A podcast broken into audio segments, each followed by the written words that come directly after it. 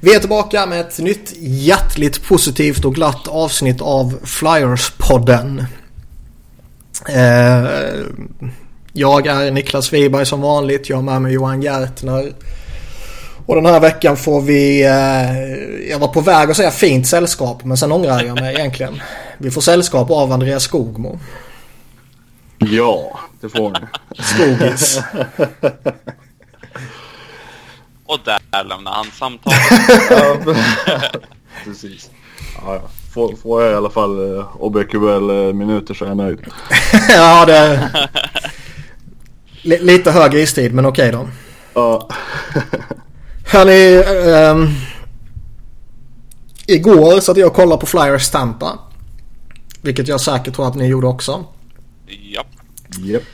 Eh, man hämtar upp 1-5 till 5-5 på typ 6 minuter. Och jag tror det var, var det nionde gången i NHLs historia som ett lag hade hämtat upp de siffrorna för sista 10 minuterna i en match. Det kan nog stämma. Och sen så torskar man i, i förlängning. Men det är liksom ändå... Det är en jävligt mäktig poäng. Och det är mot kanske ligans största contender. Som visserligen eh, har lite skadeproblem så här med Vasilevski och så, och så va. Men ändå en jävligt mäktig upphämtning. Och jag sitter i min soffa och är förbannad för att de gör upphämtningen. Eller jag låg i min soffa ska jag säga, om jag ska vara ärlig. Nej, men det är väl lite, lite så jag känner också. Eh, vi alla vill ju att de ska vara bra, men det är ju... Men för att de ska bli bra måste de vara dåliga. man har, ju, man har ju kommit till den, alltså det har gått så pass långt så att enda sättet de blir bra är att om de förlorar en massa och det blir ändringar. Mm. Det är typ där jag tror många är, inte bara vi utan alla fans. Ja men verkligen. Alltså dum, dum som man är så sitter man ju ändå. Alltså jag, jag satt ändå och blev glad och skrek shoot shoot när, när Simmons gjorde 5-5. Sambo undrade vad fan jag håller på med. Ja. Hon hon hade gått och lagt sig. Eh, eh, men ja, jag förstår precis vad ni menar. Det är så jävla bittersweet oavsett hur det går just nu. Jag, jag kan inte... Alltså man blir ju knäckt av i vilk... Alltså hur, hur djupt ner i skiten som Dave Hackstall har trycken i sitt supporterskap. Mm. För man borde ju sitta och tokskrika och tokjubla och, och, liksom verkligen sväva på mål. Även om man nu skulle torska på ett jävla skitmål i förlängningen. Men den upphämtningen är ju mäktig som fan. Ja. Och det var liksom goa spelare som gjorde upphämtningen också. Ehm, Det var inte liksom två slumpskitmål av Dale Weese. Utan det var liksom Connectney Couturier, Connectney Simmons. Ja, då hade ändå... Day Louise hade ju friläge. Så jag, tänkte, jag tänkte säga det, hade du ändå vänt lite här om han hade gjort 6-5 där när han kom fri? Nej, då skulle jag blivit ännu argare. Nej, men det är ju coolt att de hämtar upp det. Och de Ja. spelade ju bra, liksom, eller liksom, de hade många chanser. Men det är ju samma sak hela tiden. Det är liksom dåligt, dåligt special teams. Eh, nu gjorde de ju mål när, när de började hämta tillbaka i powerplayet. Men just boxplay och sådär. Och det är samma, samma dåliga försvarsspel.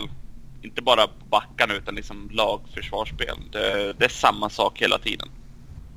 Hade de tre, jag tror Tampa hade tre mål på 15 skott. Eller någonting. Det, ja. Tittar vi över hela ligan så är man ju på 19 plats i tabellen. Och det är ju utanför slutspel. Eh, nu är det i och för sig bara, jag tror det är två poäng utanför slutspelsstrecket. Så det är ju en seger och så kan man vara över det igen såklart. Ja. Men man ligger på 500 i segerprocent. Det är 23 plats i ligan. Man gör 3,10 mål per match. Det är 15 plats i ligan. Man släpper in 3,55 mål per match. Det är 30 i ligan. PP ligger på 16,2 procent och det är 24 plats i ligan. Och PK är 68,6 procent. Och det är föga förvånande sist i ligan. Ja, den är under 70 igen. Vad trevligt. Men! Vi vinner 55,2% av tekningarna och är bäst i ligan. Och det är nästan som man kan tro att tekningarna inte har så jävla stor betydelse som folk vill få det till. Nej. Det är Flyers Det och där, det Breeze där är en så häftig fall. konstruktion. Men liksom allting och jag menar hur... Har vi kört den här podden i två eller tre år nu Johan? Två. Eh, är det två? Och det känns som att vi har sagt alltså, exakt samma sak som vi sa för två år sedan. Sitter vi och säger nu. Sen är det vissa typ namn som har förändrats. Uh, Bellemare och Van de Velde är utbytta mot andra spelare och så vidare. Alltså vi- vissa skitspelare på rosten som är utbytta. Ja. Eh, Men man sitter fortfarande och bara nämner samma grejer hela tiden. Vecka in och vecka ut. Och Grejen som det har blivit ännu mer nu än vad det har varit tidigare som jag tycker det är att även de bra spelarna eh, gör, inte att de gör misstag för alla gör misstag men att det är där det liksom om när de gör ett misstag just på den, det, den situationen så blir det mål. Till Mm. exempel Provorov blir borttryckt av Point som är, nu vet jag inte exakta siffror, men Point är mycket, mycket mindre än vad Provorov är. Och blir borttryckt jättelätt framför mål och så blir det mål.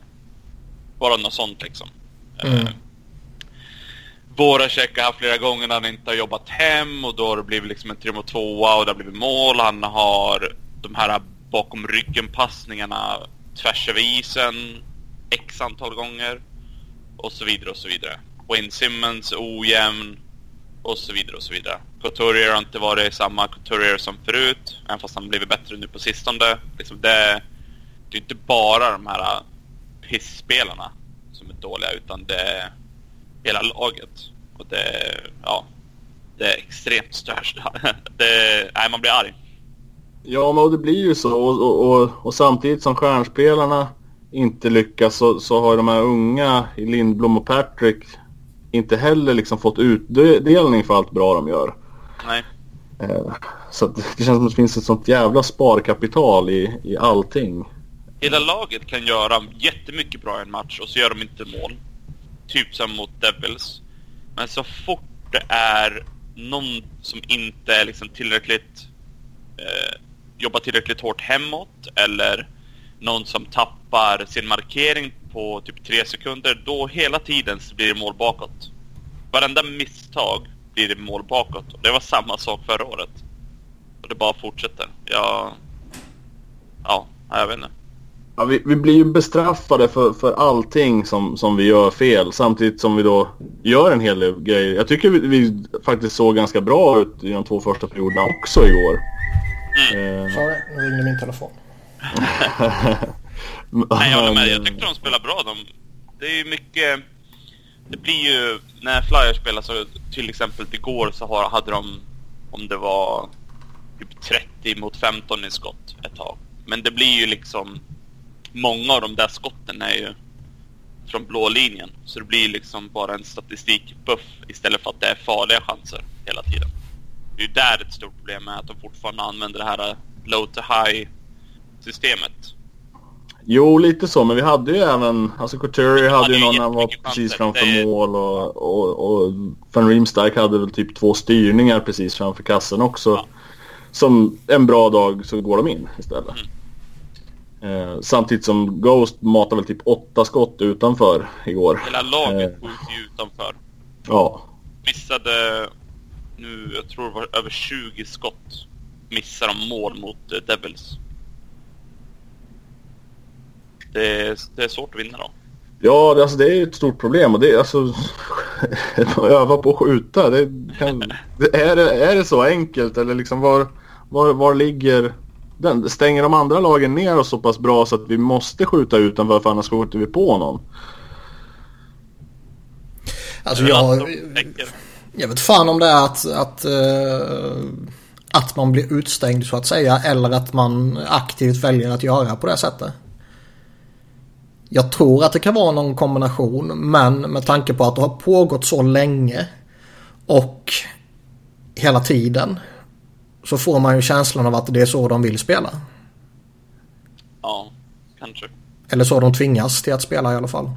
För man hör ju i intervjuer eh, i periodpauser och sådana här saker att Okej, okay, nu har ni ledningen. Hur ska ni spela i, uh, i sista perioden nu? Ja, men det är viktigt att vi inte uh, kliver tillbaka utan vi måste, måste kliva fram. Och vad är det de gör? Vad är det de blir tillsagda att göra? Jo, det är att kliva tillbaka och försöka igelkottsförsvara sig i en period. Och det går ju alltid åt helvete. Så inte ens spelarna vill ju vad det verkar som spela som de blir tvungna att spela. Nej. Ja, och, då, och då ser man ju alltså när, när vi då var tvungna att jaga vid 5-1. Alltså nu, det här kan ju ha lite att göra med att Tampa kanske slappnade av också. Men, men när vi då börjar jaga då är vi ju totalt överlägsna. Då dominerar vi ju matchen. Mm. Då, då har de ju ingenting istället. Och det, är ju, det som jag stämmer också på mycket är det har hänt flera gånger nu när de har legat under med 3-1, 4-1, 5-1, 5-2, 6-2. Då kommer känslorna fram. Och de börjar och vara lite arga vid tekningar och vid avblåsningar och sånt där. Då liksom ska Simmons fram och vill slåss. När de liksom, när matchen egentligen är över. Mm. Har varit när det stod 5-1. Då, jä, då jävlar, då kommer de och eh, liksom, då är de arga och förbannade och tar i extra hårt. Varför inte göra det från början? Ja, verkligen. Och alltså det såg man ju på 5-1 målet också. Det boxplay-spelet där var ju bland det sämsta man sett. Ja, det var ju mål innan de släppte pucken på tekningen. Det visste ju allihopa. Det... Ja. Ja. Ja. Under en 82 eh, matcher lång säsong så är den sämsta noteringen i PK 73,2. Det var Islanders förra året. Sen är det liksom 8 var 93, 94. Det är lite andra så här lite mer uh, moderna och det är lite 8 var 92, 93 och det är Tampa där omkring något sånt där också. Och, mm. Alltså genuina skitlag typ liksom. Ja. Och vad sa vi Flyers låg på? De låg på 68,6 68, liksom. mm. Ja men när de drog på, när Giro fick sin utvisning där när de redan hade en i utvisningsbåset. Då visste ju... Nu är det bara... Ta, det kommer ta max 30 sekunder innan de är i mål. Jag tror inte ens det tog det. det 10 max. Ja, och jag menar, det är 5 mot 3 mot Tampa. Jag, jag, förstår att det blir mål på den. Alltså det är inte några konstigheter egentligen. Det ska vara mål där och det blev mål. Mm. Det är inte mer med det. Men sen direkt efter så liksom blir det till eh, mål i powerplay. Och det är ju liksom laget ger upp. Laget ger upp när det, och har gjort i flera år nu, när det går emot dem lite grann. Det är något domslut eller någonting. Så fort det går emot dem så typ ger hela laget upp. Och ibland så vaknar de till liv igen, vilket de gjorde nu. Det är ju därför vi har haft flera sådana här 8-2, 6-2. Kolla i slutspelet förra året, 7-0 eller vad det var. Ja, fy fan. Det absolut värsta som kunde hända oss. Det var ju att vi åkte på den här jävla roadtrippen till Kalifornien.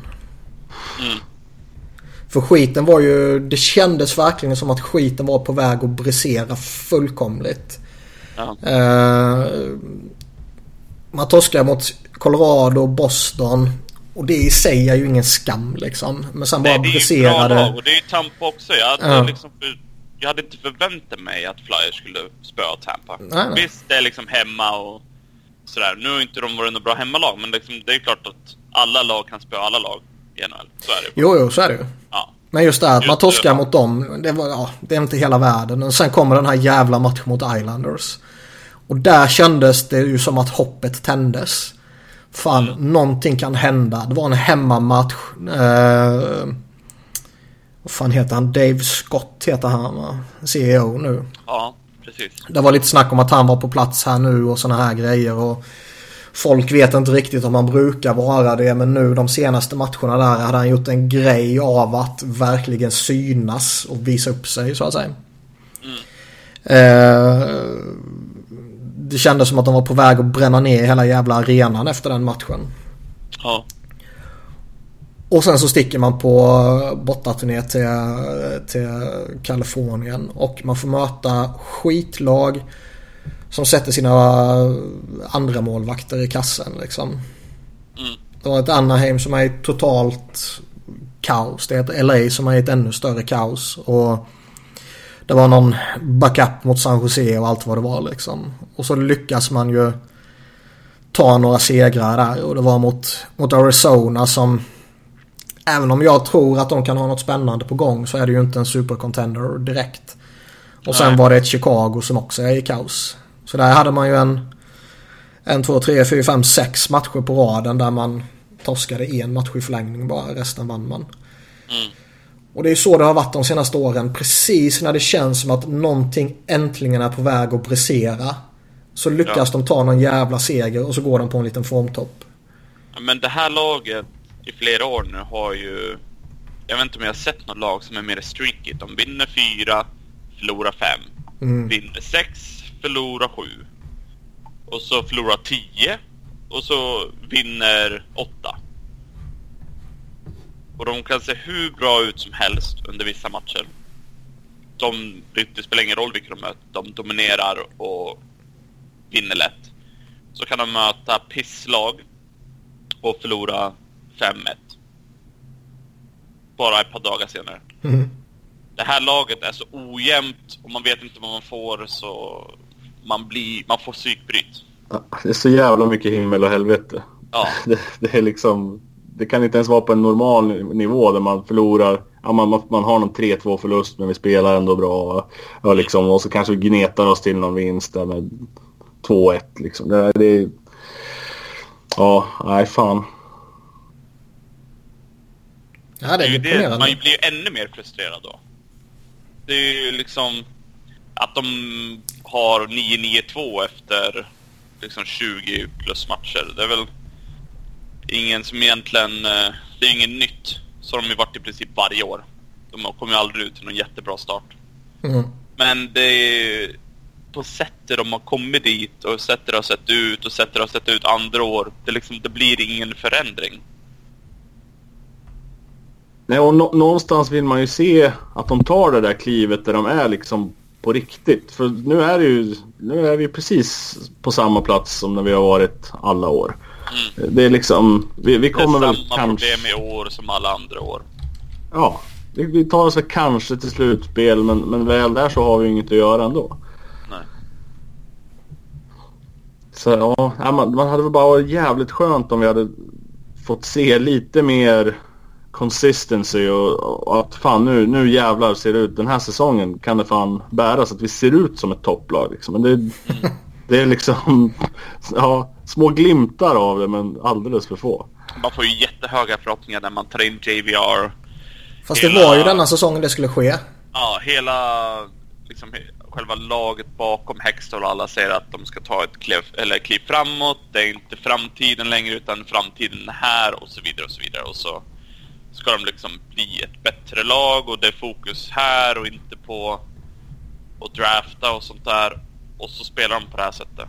Och Och alla verkar Ja. tillfredsställda med det också. Ja, jag, jag, jag jag har liksom fått gå tillbaka och revidera all, all den här positiviteten inför säsongen. Och, och ser man rent krasst på det så det enda vi har gjort är ju att ta in JVR. Det känns nästan som att Hextall själv köpte sig lite mer tid där. För i övrigt så är det ju ganska mycket samma lag och även om man hoppas att de här kidsen ska ta steg så är ju det liksom det enda konkreta movet som har gjorts för att vi ska bli bättre. Ja, fast det är, en, det är en svår situation. Det måste man nog ge honom. Det här att liksom balansera det egna som man investerat så mycket tid i. Kontra förstärkningar utifrån som å ena sidan kan hjälpa lagret och å andra sidan kan stå i vägen för de egna. mm, man skulle ju vilja ta in en back till. En topp 4 back. Ja. Det, det ser jag som ett superbehov och det fanns ju redan i somras och det finns här nu och det kommer finnas om 40 matcher igen liksom. Ja. Det de har gjort nu, eh, som jag inte gillar, det är att de har Provorov eh, med Hägg. Och så har de Ghost med Folin. Och sen har de, om det är Sanheim, Gudash eller Amac eller vad de nu har haft när det har varit skador och sånt där. Det är att de alltid har en dålig back på isen. Så att säga. Förutom det tredje paret som inte får minuter eh, spelar. Det är ett problem. Och Men det är ju den här jävla skiten de har fått för sig också. Att man måste ha en defensiv back med en offensiv back. Ja. Uh, Alltså jag tycker Folin har varit mestadels okej liksom. Det, han är vad han är. Han är liksom en, en sexa, sjua max. jag, jag tycker faktiskt att han... eh, han var pissdålig i början. Han var total kaos under training camp. Han var pissdålig i början och det finns ingenting, menar jag fortfarande, som försvarar att han fick chansen efter det training campet så pass tidigt som han fick. Att de hade bestämt redan på förhand att han och Gudash skulle splitta de två första matcherna. Mm. Men sedan dess har han faktiskt lirat OK. Ja. Och då, när han spelar OK, då ska han spela de minuterna som Sanheim spelar nu. Mm. Sanheim som är mycket bättre och har spelat mycket bättre ska ha de minuterna Folin spelar. Om inte mer. Men det är ju... Då kommer vi tillbaka till samma problem som det har varit hela tiden under Hackstall. Det är att han är så dålig på att få ut det mesta av sina spelare. Utan han spelar, om det nu är liksom Belmer eller Vandevelde eller, Let, eller liksom Letere eller liksom vad som helst så är det alltid han spelar dem för mycket och de bra spelarna för lite. Mm. Det är det det alltid kommer tillbaka till när vi pratar om laget. Ja, nej, han kan ju inte eh, känna av alltså, de skickliga spelarna. Nej. Och det är... Jag har sagt det förr och jag kommer upprepa det varenda jävla gång. Typ, men det mest talande exemplet där är ju inför slutspelet. Där han tar bort Connecting från första kedjan och sätter in Mikael Raffel där för att han vill göra sin första kedja till en checking line. Alla visste att det var ett dåligt beslut förutom han. Och, och men just liksom argumentationen. Alltså jag tycker att Ja det kan man. Alltså Mikael Raffel det är en jävligt användbar utility player typ. Man kan peta in han lite var som helst och han kommer göra det bra. Det behöver inte vara fel att han spelar i första kedjan om du om du känner att eh, nu har vi chans här att sätta ihop tre riktigt bra kedjor för att sprida ut det och möta Pittsburghs tre tunga kedjor. Mm. Det kan vara ett, ett, ett logiskt argument liksom. Men att göra det med argumentet att vi vill göra första kedjan mer som en checking line. Då bara det signalerar ju vilken sorts hockey man vill spela och att man snarare spelar för att försöka att inte förlora än att spela för att försöka vinna. Ja, det låter ju så otroligt kontraproduktivt och det är ju... Ja, jag, jag förstår liksom inte var han får idén från heller. Det är, har han då tittat på eh, första linan i Washington och tänkt att ja men fan Tom Wilson han gör ju sitt, sitt bra jobb där. Vi kanske ska testa den grejen. Ja, nej. Man, man, man står som ett frågetecken varenda beslut och, och ändring som han gör mer eller mindre. Mm.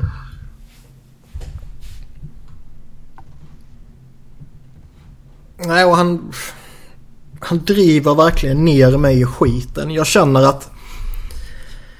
Jag tittar fortfarande på matcherna. Eh, Jag pallar inte... eh, Vet, när de spelar klockan fyra borta på västkusten. De jävla matcherna pallar jag inte med. Och sen missar man ju alltid någon här och där. För... Ja, anledningar liksom. Ja. Men annars tittar man ju fortfarande på matcherna. Och eh, är ju engagerad så tillvida att man följer laget lika nördigt som man alltid har gjort liksom. Men emotionellt är jag inte där längre. Nej, som jag sa under inledningen där. Upphämtning mot Tampa. Man borde sitta och skrika som en jävla idiot. Grannarna borde knacka på dörren och fråga vad fan man håller på med.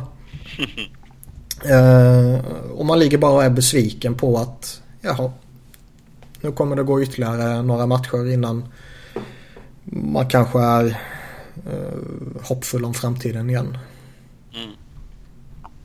Ja, och, och kom, kommer det här förändras innan han får sparken?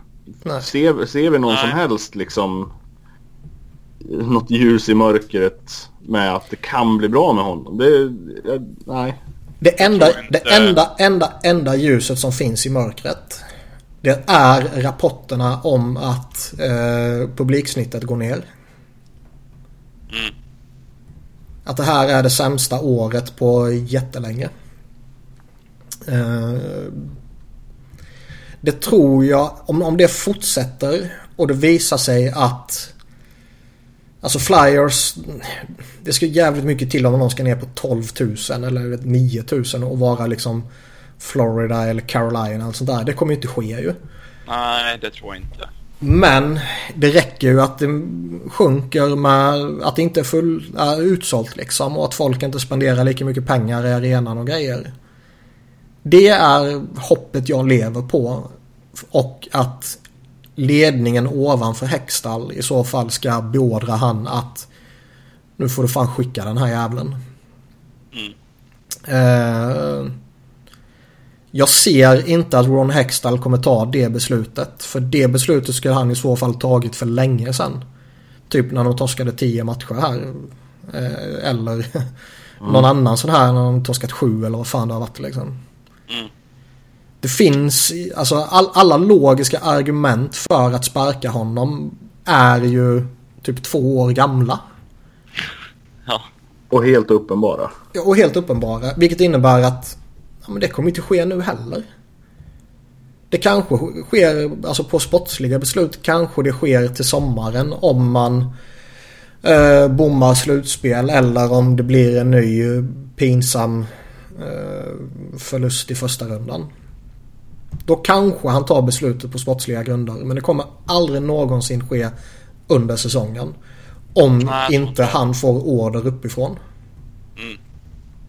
Och där vet vi ju inte riktigt heller. Det är som jag sagt tidigare exakt hur Flyers Chain of Command ser ut. Är det Paul Holmgren som är president som kan ge den orden?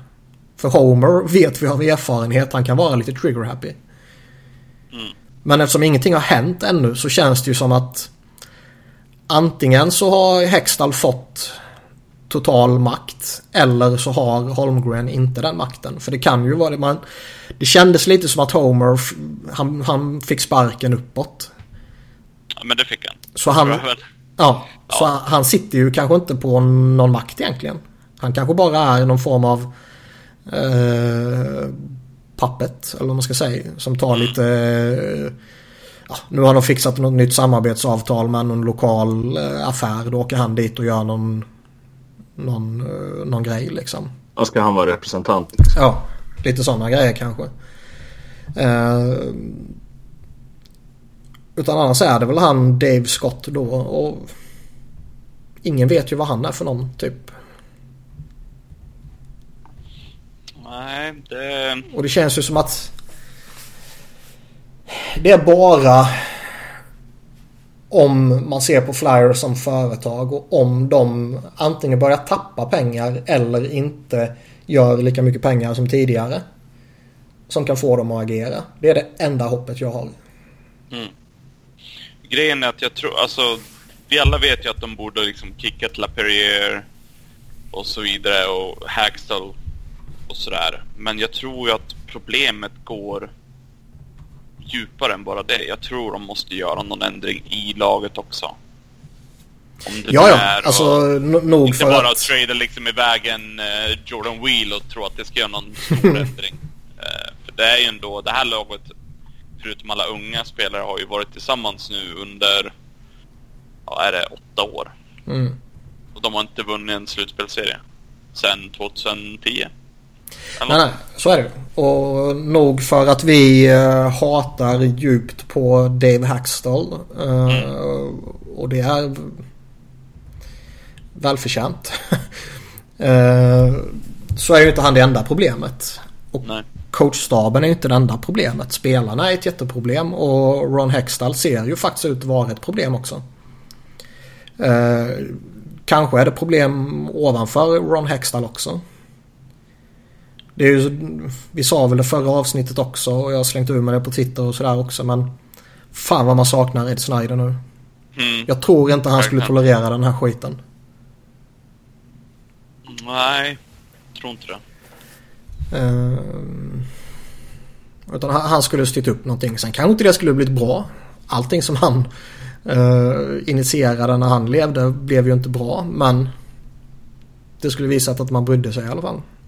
Mm. För organisationen ger ju inte intrycket av att man bryr sig nu. Ja, man skulle gärna se lite känslor från dem runt omkring också. Att det liksom, att någon går ut och säger att nej fan, changes has to be made om vi ska fortsätta så här. Ja. Det, det, det här kan vi inte Men lite liksom där tolerera. Pittsburgh är just nu. Liksom när, när Rutherford går ut och med sina kommentarer innan de gjorde den här traden och sånt där. Mm. Lite sånt vill man ju se. Jag behöver inte ha liksom Ed Snyder att han springer ner i omklädningsrummet och skriker och har sig och sådär och gör någon, liksom någon dum trade men någonting måste det, det vara. De liksom förlorar de låg under liksom 2-0 eller om det var ja jag tror det var 2-0 mot Devils och så liksom ser man spelare sitter på bänken och, och garvar liksom. Det. Lite, lite arg tycker jag man ska vara om du så jävla namma om du ligger under tycker jag. Det är det, ja. Eller är de som oss och vill ligga under? Alltså de, de spelar ju nästan lite dumma i, i de här grejerna känns det som. För de måste, det måste vara så uppenbart men så kan de inte kritisera. Jag tänker dels på det här Scott Lawton citatet där, där han vräker ur sig. Ja, det är svårt att spela PK. Det är, det är fyra av oss och fem av dem. Bara, Jag ja. gillar de där intervjuerna. Det var ju nu eh, sist mot Tampa så Taryn Hatcher stod ju eh, och gjorde något, att hon hade pratat med Dave Hackstall och så hade hon frågat eh, exakta frågan kommer jag inte ihåg men det var i princip att varför, gå, varför kan ni inte göra mål på powerplayet? Och då svarade Dave Hackstall Hey, that's hockey. Jag tyckte det var så bra. Nej, jag, jag garvade så länge åt det där igår. Alltså he hela hockeyvärlden är ju full av floskler och klyschor. Så är Ja. det ju. Man, man, det är ju typ ingen coach eller spelare som man får något intressant ur. Så är det ju. Det är, ju- det är ju den kulturen som finns typ ju. Men det är så jävla talande också. Mm. Just i den här Det är en grej om situationen. du säger Hey that's hockey eller om du säger Vi måste göra bättre på returer. Ja. Alltså det är också en klyscha så, men alltså det är ju ändå en, en sanning. De är ju inte där på returer, Mm. oftast. Speciellt mot Devils när de sköt och sköt och sköt och sköt. Och Kincaid hade ju inte jättebra liksom koll på puckarna utan de studsade till vänster, höger, Jo, upp och ner och det var inte en flyerspelare i närheten att slå in dem. Så det är ju en sanning i det, men det är ju fortfarande en klyscha. Men jag tar ju hellre en sån än att han bara säger hej, men eh, du vet, det är hockey va? Ja, Ja, och man undrar liksom att... Fatt, vet de inte vad de ska göra? Vet de inte vad de ska förändra? Eh, tycker de inte att de behöver förändra någonting? Utan de tror på det de gör trots att det är fjärde året med samma skit och det inte funkar. Ja. Men ta till eh, PK. Vad är det? Fjärde året med Lapierre sen... Är det Nej. fjärde året? Nej. Det är fjärde med Dave Hackstall. Han var... När tog han över? Jag kommer inte ihåg när han tog över ens. I alla fall. Visst har är det väl fjärde säsongen vi går in på nu med Dave Hackstall? Ja, men jag Ja det är tänkte... det. Och Lappy har ju varit eh, assistant coach sedan 2014. Ja. Jag minns Ja, ja. dock inte exakt när han, fick han PK-ansvar direkt. Tror inte det. Vi säger Ja, fem år då. Ja. på ett ungefär. Vi säger fyra, fem år. Och det problemet har varit ända sedan dess och så har det fortsatt efter första året. Så är det samma problem år två. Och de ändrar ingenting och så byter de till år tre. Samma problem, ändrar ingenting. Och så bara fortsätter det. Och så har de, har de samma problem nu. Fast kanske till och med ännu värre eftersom de ligger sist eller näst sist. Och de ändrar fortfarande ingenting. Det de ändrar är ju att sparka Joe Mullen. PP-ansvarig för ett eh, i jättemånga år jättevälfungerande PP. Mm. Och även om jag är taggad på Chris Knoblauch och tror att han är intressant och jag gillar till stor del vad han testade. I synnerhet det som han gjorde lite förra säsongen med lite nya grejer så här som vi har pratat om tidigare som sen har försvunnit liksom. Men liksom, den enda som är framgångsrik sparkar man. Och nu ser man ju att även PP om man tittar över de senaste åren har ju dalat liksom. Ja, det, just det här med Noblock. Jag undrar hur mycket han har att säga till. För PP ser ju exakt samma ut nu som det gjorde under mallen. Ja.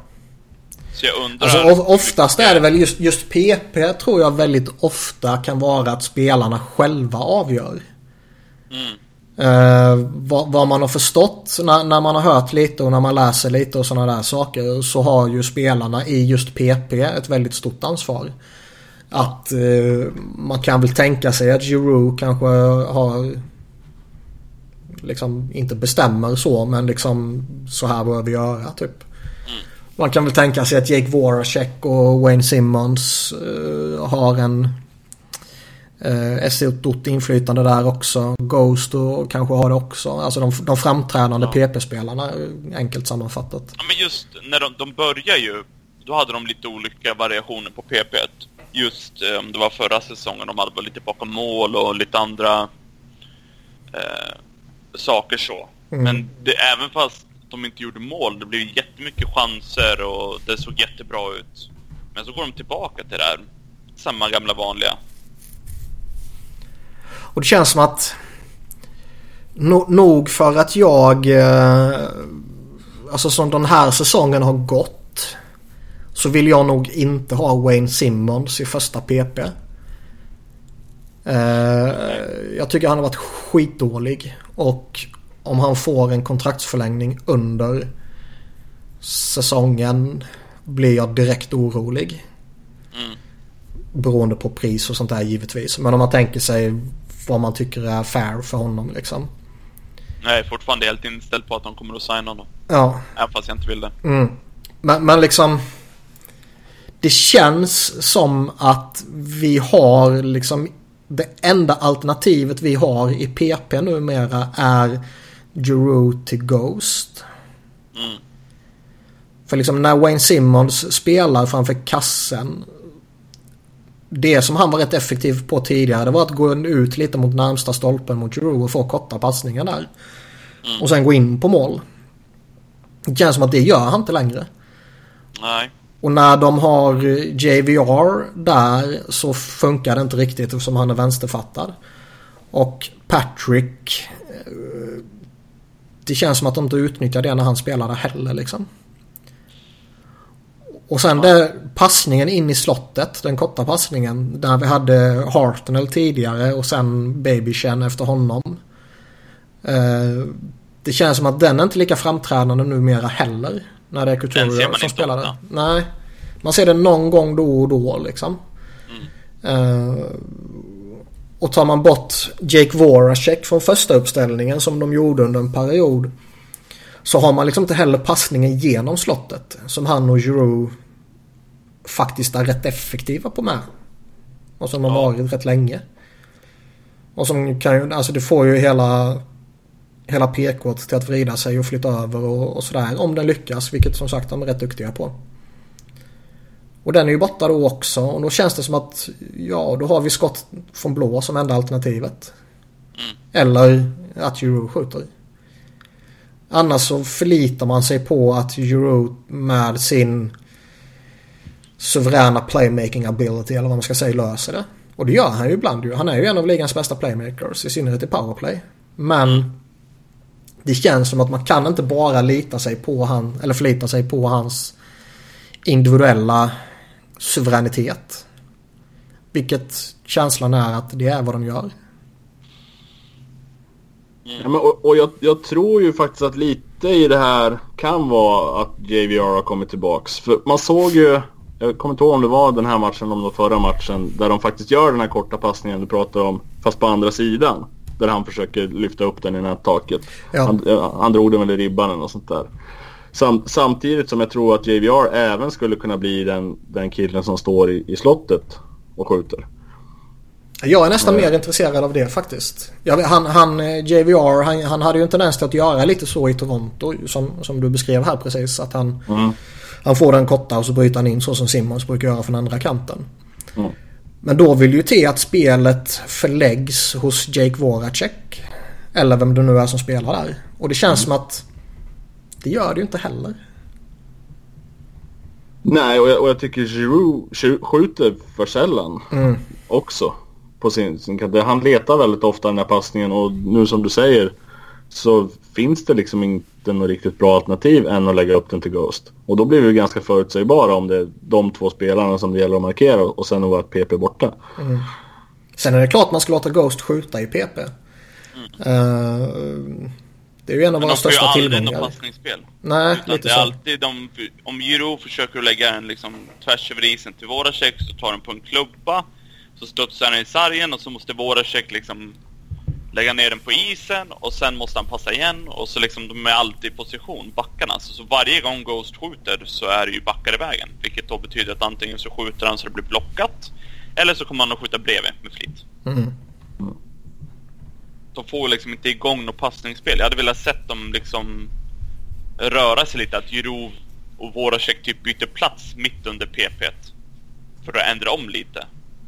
Ja, det för snurr- att- snurrar bara- lite Bara för, no- ja men bara någonting.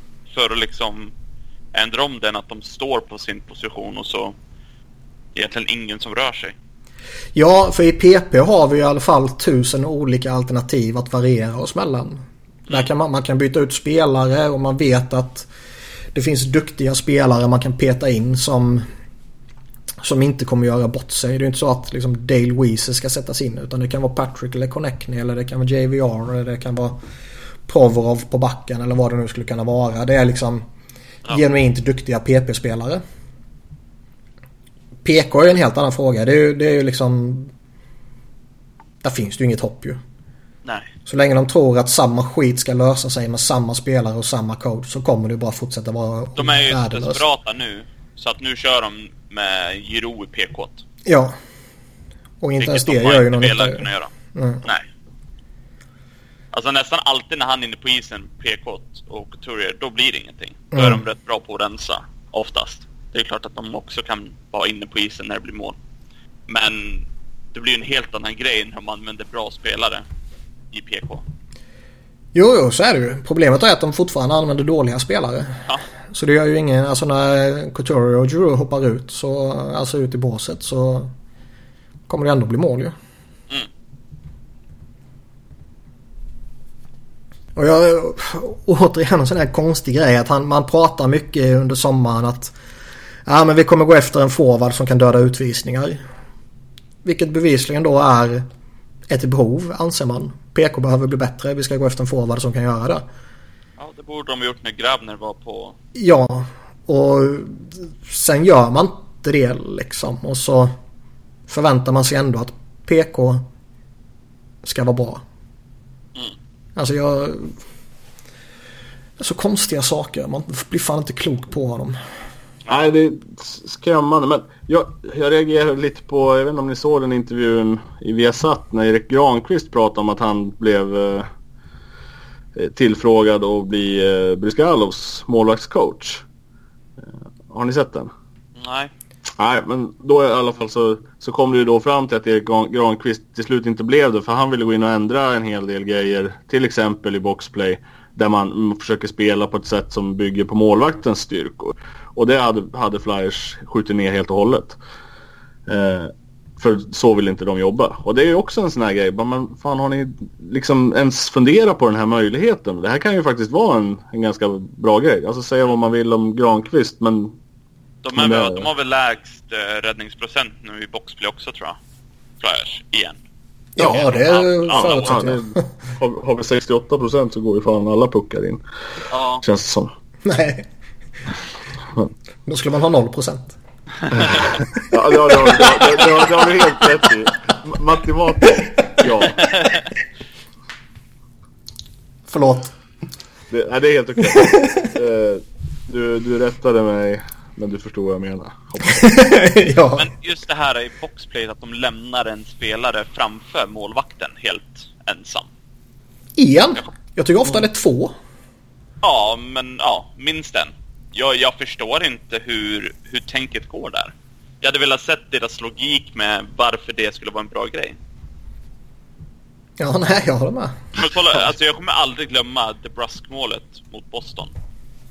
När de bara lägger in en liten chippass, går förbi en spelare i boxplayet och då, då står DeBrusque helt ensam framför Elliot. Inga problem. Jaha, det blev mål där. Jaha, nej men vad, vad konstigt. Alltså hur bra skulle vårt powerplay se ut mot vårt boxplay? Ja, det är ju det. De tränar powerplay och boxplay mot varandra och så bara fan det här ser bra ut. Ja, det där funkar ju. Fast gre grejen är att det, det var, jag såg på Twitter, det var någon som slängde ur sig alltså det resonemanget men tvärtom. Är vårat powerplay så jävla dåligt för att det är mot vårat PK de tränar? Vilket Ja, innebär att tror så. Allting lyckas alltså. Ja men PP, alla, alltså vi alla vet att Flyers PP suger när motståndarna sätter press på Giro. Mm. För då sätter de press på Giro så går det inte igenom någon annan. Utan de fortsätter att tvinga pucken till Giro. Och jag, liksom, jag förstår att de vill det. Just för att han är så pass bra och så vidare och så vidare. Men om det inte funkar kan man ju tycka att de borde anpassa sig. Man kan Det är tycka det. jätteofta, vi har pratat om det här förut i podden. Det är jätteofta när de pressar Giro. Då har Voracek halva zonen helt för sig själv. Mm. Men de, de liksom tvingar att Giro ska ha pucken. Och så blir han pressad och så blir det någon felpass eller de får in någon klubba och pucken går ur zon eller vad det nu kan vara. Men eh, nej, anpassa sig det är inte Flyers bästa egenskap. Nej, alltså, nej och, alltså på ett sätt kan jag förstå den jämförelsen också åt andra hållet. Men jag tänker, vår- vårt powerplay är ändå testat och har, har funkat bra tidigare mot, mot andra bo, boxplay-lag. Men, men vårt boxplay har ju testats mot andras powerplay och aldrig funkat. Så att, ja. Alltså jag, jag, är, jag är inte orolig över PP. Alltså det där kan gå upp och ner lite och eh, 20 matcher. Ja, det är rätt lång tid men samtidigt så. Jag är inte jätteorolig över PP liksom. Det, det är jag helt övertygad om att det... har de ju massa chanser i alla fall. Ja. Det är inte jätteofta de eh, inte ens tar sig in i zonen på två minuter. Mm. Och liksom den här senaste matchen. Det, ibland så bara behöver man att det ska rassla till lite. Det gjorde det här senast. Nu kanske powerplay kommer tugga igång igen liksom. Och så hade de ett borten mot Devils. Mm. Så det, det, jag oroar mig inte jättemycket över powerplay. Jag, jag tror det kommer, även om det finns nedåtgående trend som är längre än bara denna säsongen. Så är det för många bra spelare numera i båda uppställningarna. Som gör att äh, jag känner mig relativt trygg att det kommer lösa sig på en acceptabel nivå i alla fall. Mm. Eh, PK är ju en helt annan grej. 5 mot 5 är ju en helt annan grej liksom. Och nu har de ju ett, ett PK som gör att de... Eh, ja, de har släppt in 22 mål på 20 matcher i PK. Det är bra. Det är imponerande. Och, och liksom nog för att PK inte är liksom det enda spelsättet. Och 5 mot 5 är väl fortfarande viktigare med tanke på att du spelar mer 5 mot 5 än vad du spelar PK. Oftast. Men att ge upp strax över ett mål per match. Då blir PK ett rätt jävla betydelsefullt ändå. Alltså det- det kan väl inte vara så att man ser PK som oviktigt eller liksom vad... Ja. Nej men alltså grejen är att man hör ju relativt ofta ändå så pratar de om att och de är ju inte ensamma om det här Flyers. Det är ju jättemånga lag. Det finns ju så i hela ligan och hela hockeyvärlden. Liksom att du kan inte ta bort en spelare. Du kan inte peta en spelare alltså för att han är viktig i vårt PK. Men du kan peta en spelare trots att han kanske är viktig i PP. Mm. Och, och liksom den, den jämförelsen den eh, är ju jävligt eh, tokig. Men bevisligen så tycker man ju då att PK är jävligt viktigt. För Flyers har också resonerat så att vi kan inte peta han för han är en viktig spelare i vårt PK. Eh, så jag menar bevisligen värderar de ju sitt PK väldigt högt då i betydelse liksom. Samtidigt så gör de ju inte ett skit för att åtgärda det. Utan allt, alla problem de ställs inför har ju ett universellt svar. Går det åt helvete i slutspelet, då sätter vi in Dale Weese i laget igen. Går det åt helvete i powerplay och någon spelare saknas, då sätter vi in Dale Weese i powerplay. Går det åt helvete i PK, då sätter vi in Dale Weese i PK-rotationen trots att han aldrig någonsin har spelat PK tidigare. Ja. ja. Jag, vet, inte, jag, alltså, jag vet inte vad jag ska säga. Jag... Det finns inget att säga på det. Nej, man, man, det, ja. man, man, blir bara så jävla trött. Man, och man känner ju liksom, man har gett upp. Det är vad fan, vad är det här? Så här ska det ju inte vara. Det är ju mitt under säsongen. Det ska ju vara roligt att titta på. fan. uh, ja. Och om, om vi ska väva in en, en liten annan punkt som vi kanske planerar att diskutera sen då. Har det har ju alltid varit ett case här för att fan, det, det, även om vi ska sparka Hackstall. Det, det, finns ingen annan att ta in. Nu har det ju faktiskt dykt upp alternativ. Mm. Tror vi att, de, att Hextall har varit åtminstone lite och, och beat around the bush och, och letat och kollat liksom om det funnits något intresse från en Quenville till exempel. Nej. Nej, det tror jag inte. Och det måste väl vara fel, eller? Det är tokfel. Ja. alltså no nog för att Quenville kanske inte är intresserad av Flyers. Det måste man givetvis eh, ta med i, i ekvationen. Absolut. Eh, nu tror jag att Flyers borde vara relativt intressant för eh, coacher ändå som är tillgängliga. Det finns en... Ja, alltså jag skulle, jag skulle tro att om du är Quenville, så om det inte är liksom ett Tampa Pitt, eller Pittsburgh som liksom strugglar, om, om de skulle göra sig av med Sullivan, vilket jag inte tror, men eh, så är ju klart att han säkert skulle hellre gå dit just för att de har liksom ett cupvinnande lag. Men det är ju det, det är en bonafide ja. contender. Det är de, Men jag tror Tampa. att om det inte är det så tror jag nog Flyers skulle ligga i princip högst upp på den listan eh, överlag han skulle kunna tänka sig. Ja, det tror jag. alltså det, det, finns en, det finns en bra äldre core. Det finns en fantastisk prospect pool.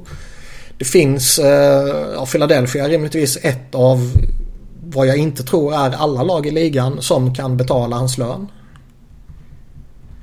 Han hade 6 miljoner i Chicago och jag tror inte han kommer nöja sig med mindre i, på nästa kontrakt liksom. Oh, nej. Och det är ju många lag i ligan som å ena sidan inte vill betala de pengarna och å andra sidan inte kan betala de pengarna till en coach kanske. Uh, Flyers, om det inte har skett någon radikal förändring sedan Ed Snyder dog, vilket vi fortfarande inte vet som sagt, för vi har ju pratat om det tidigare. Det kanske faktiskt är så att man inte får tillåtelse att sparka Dave Hackstall på grund av ekonomiska anledningar. Eh, men om det inte finns de restriktionerna så har ju Flyers råd att betala 6 miljoner till Coach Q. Ja. Och eh, att inte kolla intresset med honom är ju direkt tjänstefel. Jag tycker Sen kan ju den... Det alla lag som är just där Flyers är, alltså runt mitten eller lägre i tabellen. Ja, det, det, finns ju... Man kan ju... Alltså de, de som har, redan har en jävligt kompetent coach kan man ju utesluta. Uh, och de som har relativt nyanställd coach tror jag också man kan utesluta. De som anställde en ny i somras. Jag jo, tror det ska mycket tid och sådär. Så. Jag tänkte de som är i liknande situation. Man kan ju utan problem tror jag bara rabbla upp en 6, 7, 8 lag. Som alla egentligen borde sparka sin coach för. Ja, vad är det nu? Två veckor sedan han fick sparken, coach Q. Något sånt. För två veckor sedan borde de ha sparkat sin coach och tagit in honom. Det är nog en hel del lag som har ringt. Ja, det borde det vara. läget. Det borde det Ja, det, vara. må, det borde det verkligen vara. Och, och Flyers borde ju absolut vara ett av dem. Men som du säger så är det ju troligtvis inte så. Så fort de såg tweeten som Chicago slängde ut att han har fått sparken. Så borde ju Ron Hextall eh, ringt eller messat eller facetimat eller vad fan de gör för någonting. Snapchat. Ja. Ehm, och det kan ju vara att uh, allt ifrån bara liksom, "Ah, vad vill du göra nu? Och så säger han att nej, jag kommer ta, eh, jag kommer chilla säsongen ut och sen till sommaren kommer jag hoppa på ett nytt jobb igen. Fine, vi kanske hörs till sommaren. Ja. Nej men det, lite, det, det tror jag kanske också att han kommer göra om det inte kommer upp att, eh, ja, som du nämnde, Pittsburgh till exempel. Nu tror jag inte det kommer ske för de, de har en alldeles för kompetent coach där. Och vad finns det mer? Det kan finnas Tampa. Alltså de kommer ju inte sparka Cooper heller. Nej. Nashville kommer ju inte sparka Laviolette. Winnipeg skulle nog behöva krascha rejält för att det skulle till. Eh, vad har vi mer för någon sån här... De Boer kommer nog inte få sparken i San Jose. Uh, Babcock sitter ju säkert i Toronto såklart. Och det är väl typ de som känns som ligans största contenders i dagsläget. Ja. Det finns väl några till som, som sitter säkert också. Galant gör väl förmodligen det. Jo, men jo, det är de Ja. liksom. Det finns förmodligen man kan rabbla upp fem till liksom som inte får sparken. Så det tror jag med. Men eh, om inte någon av ligans contenders sparkar sin coach under, under säsongen så tror jag Cornwall kommer avvakta till sommaren. Ja. Och det är nog bäst för Flyers eftersom de inte kommer att kicka mitt i säsongen. Ja. Det som kanske kan få en att... Eh, vad ska man säga? Som får en lite rädd för att avvakta. Det är ju St. Louis där han faktiskt har varit tidigare. Och som går skitdåligt. Och som det känns som att om det här pågår lite längre så kommer de ju förmodligen sparka Mike Joe. Ja.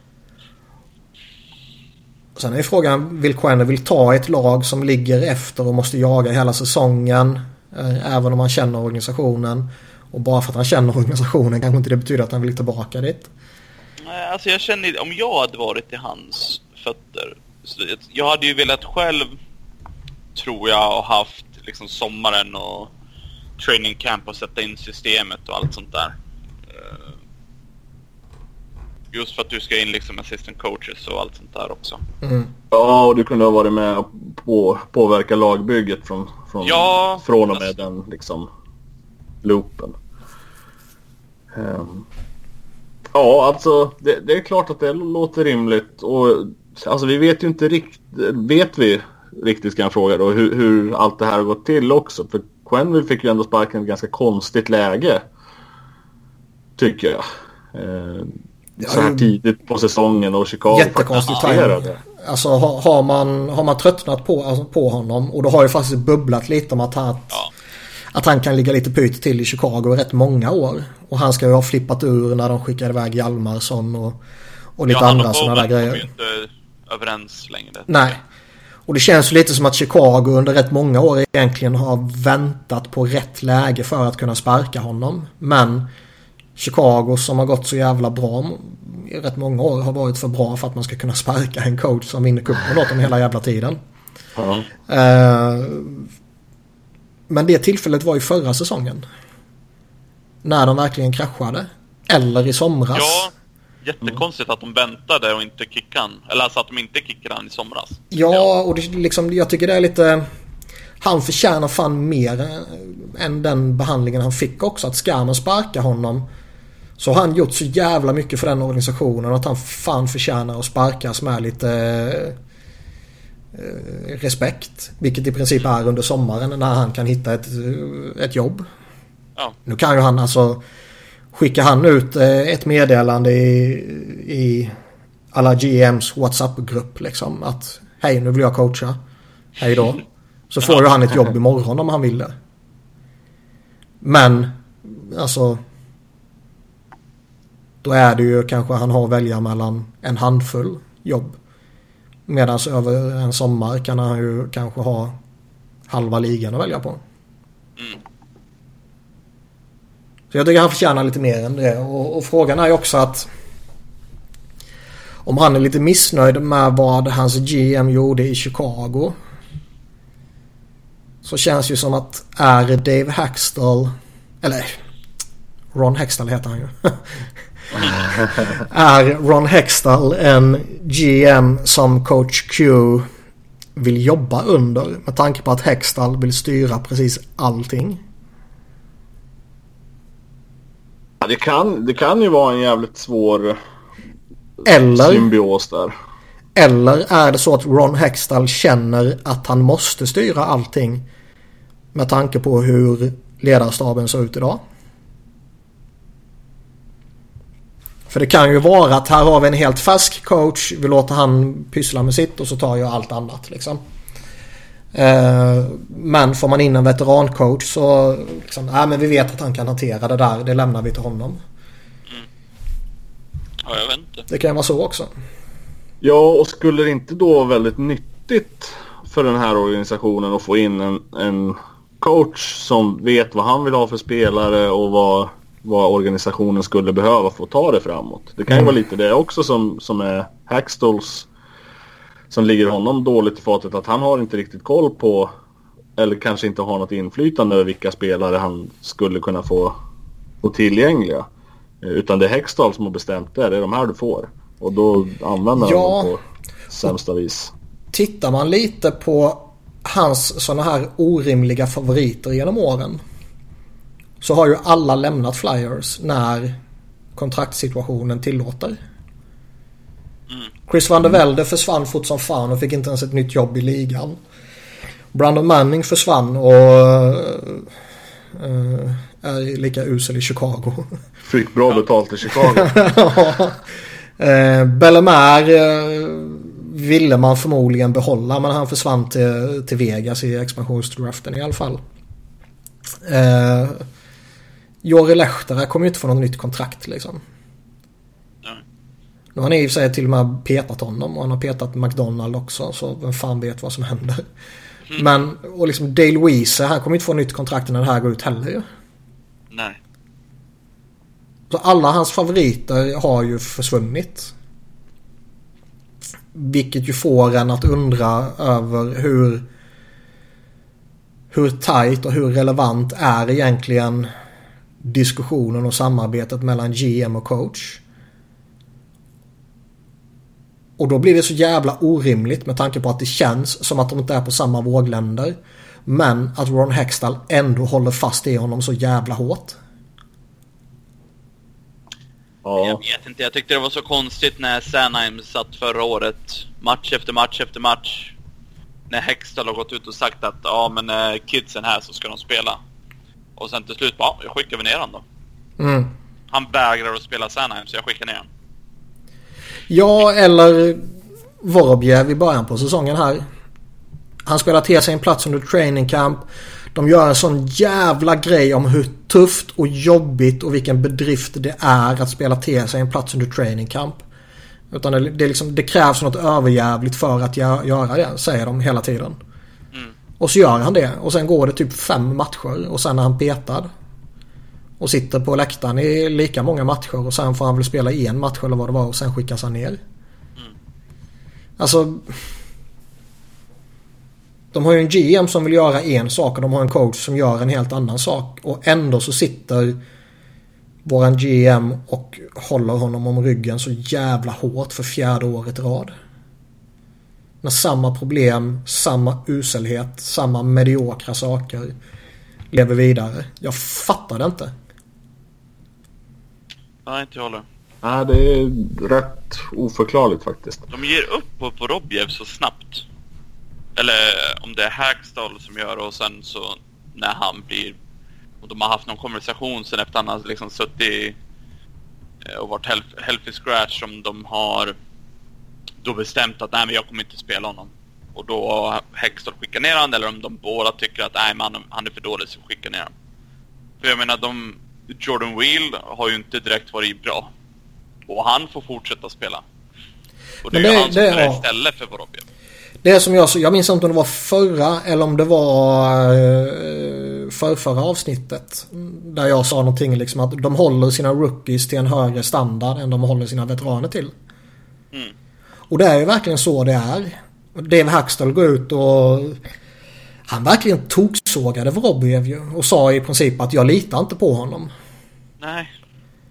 Men herre min jävla gud. Du har slängt ut alla de här soporna. Alla de här. Ja, för fjärde året nu liksom. En Van de Velde, Bellemare, McDonald, Lehtera, Dale Weese. Eh, Folin till att börja med där liksom. Hägg som inte har varit någon trygghet eh, så liksom. Och... Eh, vad glömmer jag? Ytterligare några stolpskott har vi haft också. Eh, Jag vet inte. McDonalds sa jag kanske inte. Men liksom, Nej. litar du på dem? Och, och, det, och det är ju inte bara, det är ju inte så, som att han litar på dem och ger dem 10 minuter per match. Men han litar ju på dem i absolut kritiska, superviktiga lägen av matcherna också. Ja. Det är liksom, han, han ja, ha- hade de här spelat fem minuter per match så hade jag väl fattat det. Det är väl liksom visst, jag använder mina sämsta spelare så lite som möjligt. Men när, när de spelar för att försvara en ettmålsledning de sista två minuterna då, då är det ju någonting som är fundamentalt fel. Nog för att Dale Weese har haft en imponerande comeback den här säsongen om man kan säga så. Eh, så ska man ju aldrig någonsin hamna i en situation där han är din typ tredje, fjärde mest använda forward. Vilket har varit här mot slutet. Enda situationen det ska uppstå det är om du får åtta forwardskador. Mm. I samma match. Så du bara har fyra forwards att rulla på. Och då ska man den som används minst ändå. Ja. Ja, ja men det är ju typ rimligt. Men ja, nej herregud. Jag fattar inte. Ja, Jag fattar inte riktigt det här med, med forwardsdjupet heller. De har liksom... Nu är Raffel skadad och JVR var skadad och sådär. Men det första... Första call-upen de gör, det är liksom Obekubel och han får fem minuter. Max. Per match. Ja, ja, det är helt sjukt hur lite han fått spela. Han får bara fem minuter per match. Då tänker jag så här, varför, varför ens kalla upp honom? När du kan kalla upp en liksom McDonald. Som liksom har gjort det helt okej i en liksom fjärde... Fjärde kedjeroll. Gen- Egentligen i hela sin NHL-karriär. Ja, ja, han är ju på ett på liksom med Dave Hackstall-logik så är ju han den perfekta spelaren att kalla upp. Ja. Men istället så kallar de upp en, en ung spelare. Alltså han har ju inte varit något superbra när han har spelat, men han har, han har varit bra. Han har inte liksom sett dålig ut på något sätt. Han får bara spela fem minuter. Han, är, han har ju inte ens fått chansen att se dålig ut. Nej. Så att det ja, alltså han har ju gått in och varit en, en duglig fortliner. Men, men är det här också då ett, någon sorts power move av Hackstall? Att ja, jag skiter väl i om, du, om Hackstall kallar upp spelare. Jag tänker inte spela dem. Mer än fem minuter då. Är det också liksom så här den här kommun- dåliga kommunikationen mellan de här eller vad, vad faller det på? Ja, det är en fullt relevant fråga men det finns ju inget svar på den. Nej, nej. nej. Det är den totala hopplösheten igen. Nej men det är alltså man, man kan ju resonera jättelogiskt om Philadelphia och Ron Hextall och Dave Hextall och prospectpoolen och prospects versus veteraner och hela det här köret. Men alla logiska argument dog ju i relevans för två år sedan. Med tanke på att samma problem har pågått så länge. Ja, Så man, man kan ju faktiskt inte titta på en, en situation idag och försöka tänka logiskt utefter den situationen. Nej. nej. Det, och ja, jag vet inte. Ja, Hextalls svar på, på det här är väl Hey, it's hockey. Ja. Men ja, jag vet fan. Men om vi, om vi ska försöka vända på och se, se positivt på det. Hade det inte varit jävligt kul att se Vorobjev uppe nu? Och spela med till exempel JVR och Simmons. Vilken jävla tredje lina det skulle kunna vara. Ja. Och, och det här är ju bara, som sagt, det här är ju bara en utopi. Men jag, jag kastar ändå ut det där. Bara försöker andas lite positivitet. positivitet Vi jobbar inte på det sättet i den här podden. Det är jättekonstigt Nej, men jag vet. På, spelar, på spelartypen han är.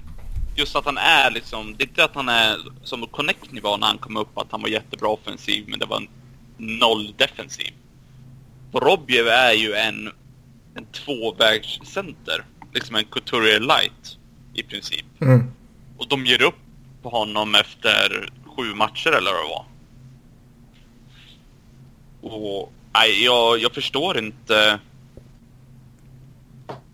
Nej, jag förstår inte hur de tänker. Det, det är ingen logik. Nej, och det, och det är också i ett skede när hela laget går dåligt. Det Ja. skulle ju vara väldigt intressant nu att plocka upp honom nu när laget har lite medvind och, och då det kanske liksom ger sig lite självt i att fan det kommer gå bra för honom också. Ehm, och som sagt han får ju spela med väldigt bra spelare om vi nu förutsätter att det här är den om- omgivning han skulle ges. Mm. Men det du var inne på där det är ju ett stort problem. När laget spelar dåligt eller när laget gör något dåligt. Så är det bara de unga spelarna som får ta konsekvenserna av det. Mm. Det är ju Travis Sunheim som petas. Det är Vorobjev som petas. Det är Connectney som skickas ner i, i tredje eller fjärde kedjan. Det är Oskar Lindblom som skickas ner i fjärde kedjan till förmån för Dale Weiser liksom. Eh, Flyers absolut sämsta jävla spelare, eller forward kanske man ska säga. Denna säsongen sett till kvaliteter, vad han gjort tidigare och allt sånt här. Det är Wayne Simmons. Och man har ju inte sett han drabbas ett skit av det. Visst, han plockas bort från PP1 men han var ändå i PP2. Och, och liksom att man plockas bort från PP1 till PP2 tycker inte jag direkt är någon överjävlig bestraffning så. Inte nu när PP2 ändå har relevanta spelare där. Nej, och det har man väl nästan lite mer sett som att, att det är för att... Alltså visst, man, man har försökt ersätta honom i ettan, men, men jag ser det nästan som att man försöker sprida ut talangen på två, Ja. två PPn. Ja. Så att det har liksom inte ens känns som ett straff, men ja. Nej, det är konstiga grejer de håller på med det här liksom. Som sagt att man, man håller sina unga spelare och sina rookies till en högre standard än sina veteraner. Eh, och nog för att det kan vara nyttigt inför framtiden liksom. Men det är ändå här och nu som ni skiter ner er. Det- Ja, alltså... Man, man, man måste ju, speciellt i ett sånt case med våra objekt idag, ja, men som vi har haft med både Ghost och, och Sanheim och, och, och Lindblom och, och vilka det nu är. Eh, så måste man ju låta dem göra fel och så får man snarare tillrättavisa dem att ah, men fan, kolla på det här. Det, det, det är det här coacherna är till för. Liksom, att du ska kunna tala om för dem vad du ska göra bättre för att de ska kunna göra det bättre. Men då måste de ju även sit, sitta i samma situationer och spela för att det ska kunna göras så. Mm. Jag tror ju ändå att det är flera av de här spelarna. Alltså jag tror till exempel inte att Vorobjev mår så mycket bättre av att spela i, i AHL än att spela i, i NHL. Om man används på rätt sätt. Ja. Hur har han sett ut i AHL förresten? Har, ni, har ni någon...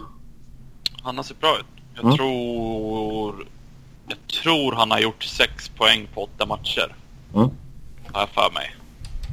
Så han har ju sett bra ut. Eh, de är inte så bra på att försvara sig där nere. Så... eh, Om man inte tillräckligt bra målvakt? nej. nej De tar det- efter uh, NHL-laget. Ja, nej, de har lite problem med att hålla pucken ur mål. Men eh, offensivt så ser de bra ut. Mm, han har gjort två plus, fyra på åtta matcher. Mm. Ska se vad Brad Caffer, eller Caffer säger han, säger. Han trackar ju alla matcherna. Mm. Mm. Vorobjev eh, 43-24 Corsi 4 percentage. Minus 1,13 Corsi 4 percentage relative. Så det är inte överjävligt bra. Nej, inte så imponerande. Å andra sidan vet jag inte riktigt vilka han har spelat med heller. Nej, nej just AHL-laget har jag lite så här in, dålig koll på mer än att jag läser lite statistik. Men Men sen tittar man på Phil Myers. Han har 44,57 i Corsi. Eh, Det var Goldborn Vorobjev McDonald senast. mm, ja, det känns inte som en super omgivning för honom direkt. Goldborn har 40 i Corsi 4 percentage och minus 7,75 i relative. Ja, det finns mycket skit här alltså. Ja, men, men då kan man väl ändå dra slutsatsen att han spelar längre ner i, i hierarkin där också. Det kan ju vara att de tänker som de gjorde med Scott Lafton tidigare att eh, vi sätter honom i den rollen som vi förväntas eh, att han ska ha i, i NHL. Mm. Och det tycker jag ju så länge det inte... Ja, det, han har lite konstiga... Han gör lite konstiga kedjor där nere, Gordon. Ja, Och har gjort ända sedan han tog över. Men det, de, de gör ju poäng i alla fall. Rubtsov har haft en bra början. Kanske. Så Myers har gjort en hel del poäng. Ja, Den är väl 10 på, deras- 10 på 16. Ja, deras course är väl kanske inte jättebra. och de har faktiskt gått rätt bra. De var i konferensfinal förra året till exempel. Ja, Mm. Eh, det och, det, och det är ju lite som... Alltså har man de resultat, alltså alla coacher, man kommer alltid hitta något att gnälla på på alla coacher. ja, Alltså ba, bara för att Quenneville eventuellt skulle komma in till Flyers så kommer ju inte han vara 100% perfekt. Även han Nej. gör ju konstiga saker. Även han spelar dåliga backar för mycket. Även han sätter ihop konstiga kedjor och, och petar ungdomar och sätter in usla veteraner liksom. Mm. Babcock samma sak. Uh, Julien samma sak. Uh,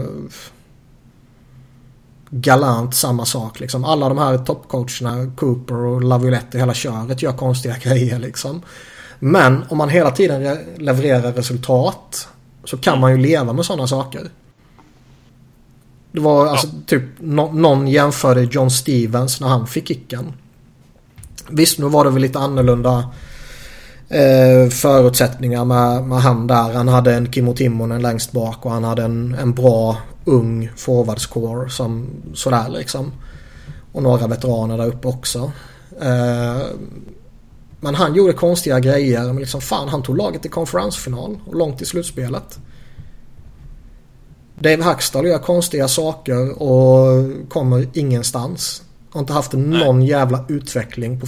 Alltså nu är vi inne på fjärde alltså det, året ja men det är honom. det det kommer till. Hade, hade, om vi ser förra året, om man hade bänkat Sanheim och laget gick som liksom spikrakt uppåt eller att de att man såg att ja men det här funkar ju.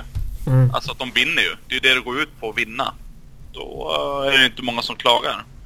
Men när du gör de här konstiga som för oss fans och liksom alla runt omkring bara men det här är ett jättekonstigt beslut och det inte funkar. Ja, då kanske det inte är så jättebra att fortsätta göra de besluten. Nej, def- definitionen av galenskap. Göra samma sak hela tiden och förvänta sig nya resultat. Ja. Och då kommer man ju säga, ja, PK samma sak. En, inga ändringar där. Målvakterna samma sak. Skador och dåligt spel. Samma där. Det är liksom de... Alla vet att det är problemen. Problemen förra säsongen var målvakterna, försvaret och PK. Vad är problemet i år? Målvakterna, målvakterna försvaret och PK. Och vad har man gjort för att motverka det? Man har plockat Calvin Picard på waivers och han har varit skitusel. Man har signat Christian Bolin. eh, och man har gett Dale Weese ännu större förtroende. Du säger till mig att det inte funkar. Jag är chockad. Eller hur? Men eh, om vi går vidare och tittar lite mot eh, typ marknaden. Alltså typ en trade-marknad. Mm. Vad, för jag, jag tror att vi alla är överens om att någonting behöver göras. Mm. Sen kan man ju diskutera in i oändligheten om det är en blockbuster eller om det är en rollspelare för PK eller om det är en eh, hockey trade så att säga. Eller om det är att få någonting för Wayne Simmons innan kontraktet går ut och så vidare. Men vad var liksom... Vad är ni sugna på? Alltihop. Ja, men lite så. Jag hade nog börjat med Simmons. Det är nog där jag ligger. Tror jag. Ja, det är väl rimligast. Tyvärr. Ja, sen, alltså, det är ju klart att... Alltså, jag gillar ju Voracek och han är liksom... Alla vet hur bra han är. Men jag hade inte varit emot att tradeat honom för en annan typ av spelare. Alltså med, som är kanske mer skjutglad. Eller man ska säga, just en, en liten annan spelartyp. Eh, Jag känner ju lite att tradar man Jake Voracek så tror jag per automatik att man kommer göra en förlorande trade. För du kommer inte få en lika bra spelare tillbaka. nej, Och visst, Alltså, man, alltså, det, det, fin, det. det finns... Eh, man kanske vill ha en annan spelartyp. Eh, absolut, det är schyssta argument. Man kanske inte är jätteförtjust i kontraktet. Eh, pengarna tycker inte jag är något problem, men längden kan absolut vara det. Det är ett fair argument. Eh, man kanske är trött på liksom hans, eh, hans jävla ojämnhet. Mm. För han är ju antingen bäst eller sämst känns det som. Ja, alltså jag Mm. gillar ju fortfarande Voracek och jag menar inte att de ska gå ut och bara skeppa iväg Nej, nej, det fattar Men jag. jag tänkte om man kan få in en annan, jag vet, nu vet jag inte exakt, eller något exempel på vem. Men bara få Panarin. in någon annan istället för honom. Panarin. Ja, men typ. Eh, jag tror att det här laget skulle behöva det. Ja. Det, det, är liksom, det är lite samma skit hela tiden. Han är alldeles för ojämn. Men skulle man få in en Panarin då? Då säger jag ju snarare att då får man ju in en spelare som är lika bra. Ja, ja. Eh, absolut. Eh, Men- men det är det nu, nu, nu jag- var ju han ett dåligt exempel på det argumentet. Ja, Ja, Men- men... men- det är ju Ja. jättesvårt att trada en, en stjärnspelare och få Mm. eh, lika bra tillbaka. Det känns som det är att- klart du kan trada för picks och allt möjligt sånt där. Det är jättesvårt att göra en, liksom en hockeytrade. Ja. Om vi bortser från vilket lag han spelar i. Namnet Phil Kessel. Rakt av. One, the deal is one for one. Mm, nej. Nej. Jag har inget emot att ta in spelare från Pittsburgh. Men jag vill inte skeppa mina bästa spelare till Pittsburgh. Nej men om, om, du, om, du glömmer, om du glömmer hela den aspekten. Att, att han, de skulle hamna i... Jag, jag vill bara diskutera spelaren för spelaren. Nej. Så, för jag vill inte ha någonting med Pittsburgh att göra helst. Det, det, det här var bara en spelare som poppade upp att kan det här vara en spelare som är jämnbördig kan- och alltså- rimlig? Å ena sidan så känns ju... Det, det beror på lite faktiskt känner jag vad man vill spela Voracek. Vill man ha han i första kedjan eller vill man ha han i andra kedjan? Eh, eller hans ersättare så att säga. Mm. Jag känner ju att Voracek idag känns mer kompatibel för en andra kedja Om man tittar på vilken spelartyp han är. Mm. Jag tror att första kedjan om man ska ha Euro och Couturier där, vilket jag tycker man ska ha med tanke på hur bra de har fungerat tillsammans. Så tycker jag ju att en Travis Konechny eller en mer utpräglad sniper känns så mycket mer rimligt i första kedjan. Och jag tycker att Voracek som lite mer eh, playmaker och eh, pucktransportör och så vidare känns jävligt logisk i en andra kedja med Patrick som sin center och antingen Lindblom eller JVR som left-winger. jag vet ju inte om jag skulle vilja peta in Phil Kessel i andra kedjan och få det och, och liksom ha typ en JVR Patrick Kessel. Den känns också felkonstruerad på något sätt. Ja, alltså det här resonemanget köper jag helt och hållet. För Voracek är ju en spelare som kan leda sin lina. Mm. Det, är ju, det är ju inte Kessel på det sättet. Och då blir man ju otroligt front heavy om, om man skulle peta in honom där då istället. Mm. Uh, så att, ja men det, det köper jag. Det var bara, det var bara ett namn som poppade upp sådär som jag liksom... Där han, rykt, han ryktas ju ändå vara på marknaden så det är liksom... Nu mm. tror jag inte att Philadelphia och Pittsburgh kommer göra en trade. Nej, inte bland så profilstarka spelare. Nej, och jag, jag har liksom... Jag har inget emot att ta in duktiga Pittsburgh-spelare. De, de, är, det är liksom bra spelare. Jag... Bortsett från slutet som var lite ovärdigt så var jag väldigt förtjust i Max Talbot till exempel. Eh, tyckte jag till majoriteten av hans kontrakt var en väldigt bra värvning. Eh, så det har jag egentligen inga problem med så. Eh, problemet jag har är ju som jag sa tidigare att sätta mina egna bästa spelare i Pittsburgh. För det vet man kommer komma tillbaka och bita dig i arslet så jävla hårt. Ja. Ja, vi skiljer oss lite där. Jag har, jag har så jävla svårt för Pittsburgh-spelare. Jag, jag, jag, hade, jag hade haft svårt att se det så. Jo, men så är jag lite mer uh, snäll av mig. Du gillar ju Pittsburgh lite mer än jag gör. ja. um... Ha, alltså... uh, har, vi, har vi något annat exempel som vi känner så är rent spontant skulle kunna... En superblockbuster med Columbus där vi får Panarin och Bobrovski.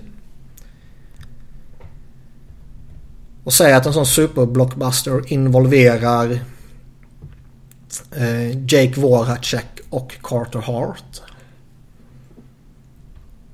Och där man då får, eh, då menar jag inte två mot två utan man får balansera upp lite sådär. Det kanske ska in mm. något pix och grejer från vårat håll och sådär. Mm. Um, och då med förutsättning att båda två förlänger. Ja, det är ju det är inte Väldigt jag, jag. Jag, jag, menar inte på något sätt att jag har gett upp om Carter Hart bara för att han har haft nej, lite, nej, nej. lite tufft under AHL-inledningen så. Men... Alltså, om inte det här laget tar kliv denna säsongen. Mm. Så jag är ju skeptisk till om man kommer göra det om ett år eller två år. Mm. För då känns, då, känns, då känns det som att man har kört den här coren och då inkluderar jag de nya unga Provorov, Patrick och så vidare. Då känns det som att man har kört den nuvarande coren in i skiten. Och liksom att då måste man spränga den i så fall. Så ja, man, man, kanske behöver den här omedelbara boosten typ nu. Ja, jag, jag, förstår vad du, vad du är ute i och jag förstår ju att Columbus skulle ju förmodligen vilja ha någonting sånt tillbaka då. För det är ju fortfarande en målvakt som sitter på ett otroligt högt värde för framtiden. Och om ingen av de här vill signa med Columbus så måste de göra sig av med det. Och det här är ett ganska bra utbyte kan jag tycka då för dem. Mm. Eh, samtidigt som om vi får chansen att ta in en av ligans bästa målvakter och ja, vi kan väl säga att han är en av ligans bästa spelare också. Ja. Eh, så ja, det måste man ju titta närmare på. Det enda som gör, som gör att jag inte är superförtjust i Panarin är att han är left-winger. Och där jag tycker att vi har det jävligt gott ställt med Giroud, JVR och Lindblom i topp 9. Ger man botten och det känns... Jag tycker han är bättre som left-winger. man kan ju slänga ut honom på högervingen också givetvis ju men... Alltså då är vi tillbaka där att man liksom... Man måste spela sina bästa spelare i situationer där de kan lyckas. Och det gör man kanske inte om man spelar dem out of position så att säga. Nej, men Panarin upplever jag som att han är lite mer bred på det sättet också. För jag tycker att i Columbus så är han jag tror han är mer kompatibel på att lira ja. till höger än vad många andra kanske skulle vara. Absolut. Ja. Men ja, jag förstår också vad, vad du säger. Annars har jag svårt Ja. att hitta en, är jättesvårt att hitta en. en blockbuster om man liksom ska peta in en... Om man ska skicka Voracek och peta in en right-winger. Det ska, det ska ju vara någon sorts rimlig tanke också såklart. Ja, och liksom Pasternak är ju inte aktuell. Nej, precis. Line kommer aldrig röra på sig. Eh. Och sådär. Ja, nej. Fan det... Nylander. Men då kanske det är Ja. Simmons snarare. Ja. Och det hade man väl ändå varit väldigt intresserad av. Det hade ju förmodligen krävts någonting mer också såklart. Men Jag vet inte. Alltså eh, Toronto nu Ja, och är ju... Sprungit hem. Jag skulle gjort en mot en. In, Ja. Inget snack om saken. Jag, jag skulle gjort det... ja, ja. ja alltså självklart. Jag menar att vi skulle få ge upp något mer. Ja. eh, jag är inte säker. på- Jag fattar att det var det du menade. Och jag är inte säker Ja. på det. Eh, med tanke på att Toronto ändå nu, nu börjar det brinna lite. Och erbjuda dem en Wayne Simmons. Han har en kontraktsförlängning på plats och vi får en signad William Nylander. Eh, jag tror mycket väl att det skulle kunna få det att röra sig lite i byxan på Mike Babcock. Ja. Och eh, nu vet jag att det inte är Babsan som är GM där och Kyle Dubas är en jävligt eh, skärpt GM. Men Babcock har ju ändå ett, ett jävla inflytande där. Ja.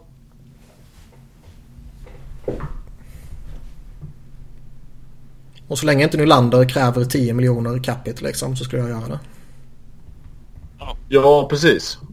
Det, och, och Capit det har vi väl än så länge ganska bra av. Ja.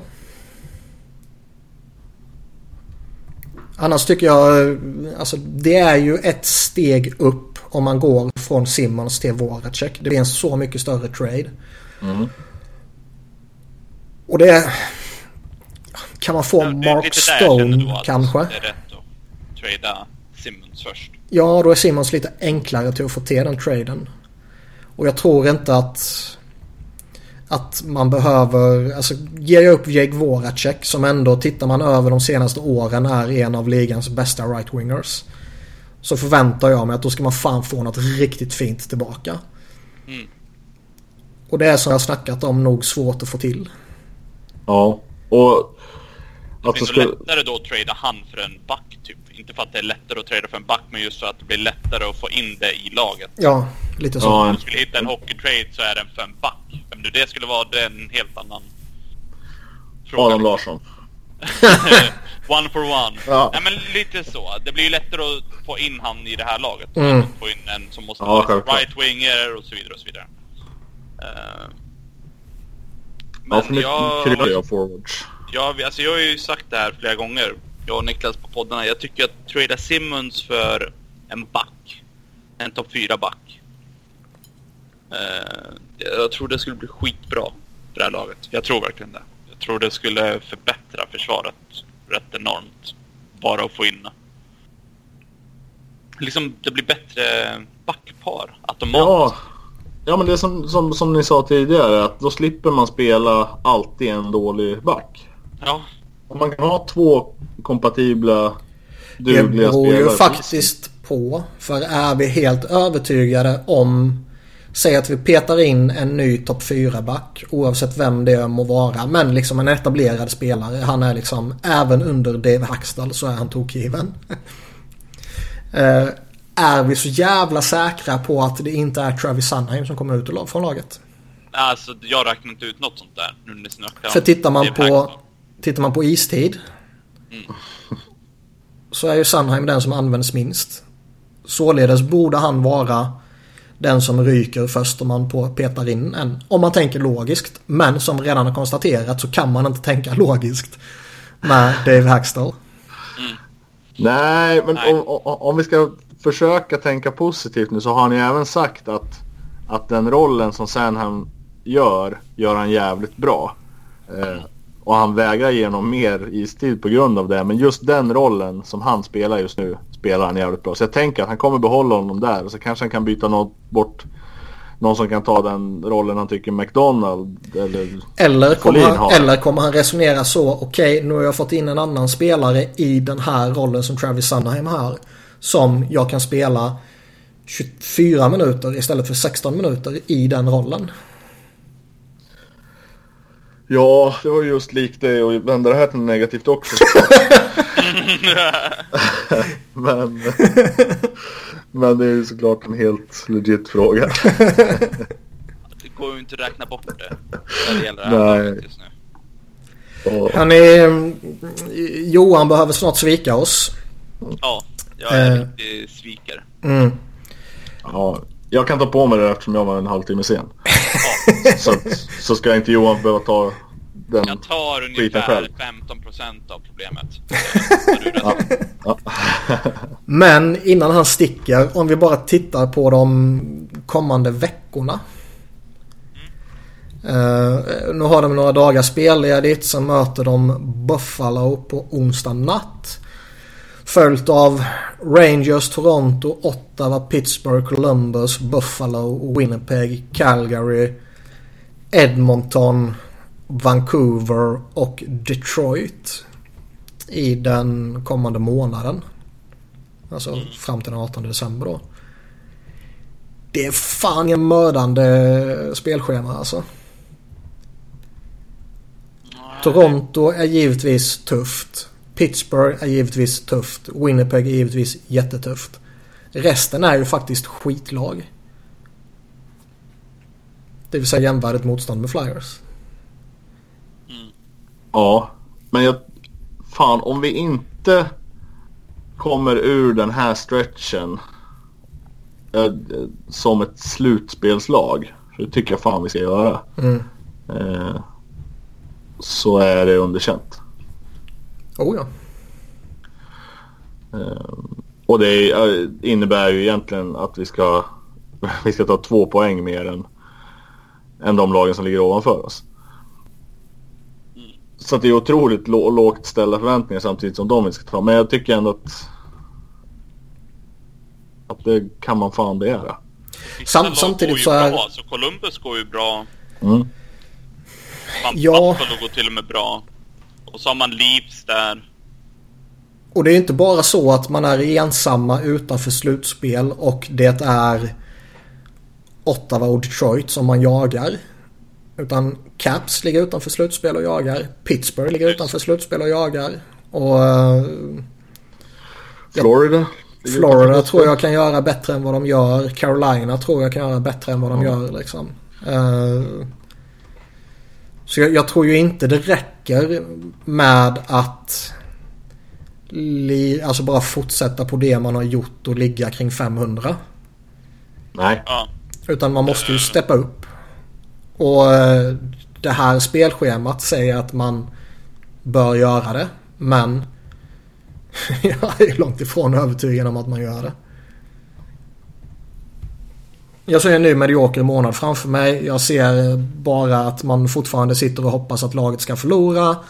Och så kommer de förlora två eller tre matcher till och så kommer man känna att hoppet kanske tänds. Och sen så kommer de resa sig och göra någon superjävla mäktig insats mot Pittsburgh och vinna där. Och sen går de på en liten formtopp igen och sen så kraschar de liksom. Och sen kommer ingenting och hända. De ska väl till Kanada och spela. Så det är väl där de kommer gå och plocka tre av tre eller någonting. Mm. När de möter Flames och Oilers och de där. Mm. Och så kommer det vara exakt samma situation sen i, i mars-april där att i sista matcherna behöver vi vinna åtta för att ta, slut, ta oss till slutspel och så gör vi det. Mm. Och så förlorar man 4-1. Ja. I... har, har ni hört den förut? ja.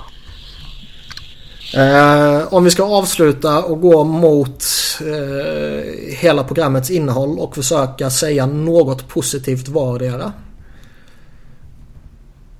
Mm. Jättekort bara. Skogis får börja. Uh, James van Riemsdijk är tillbaks.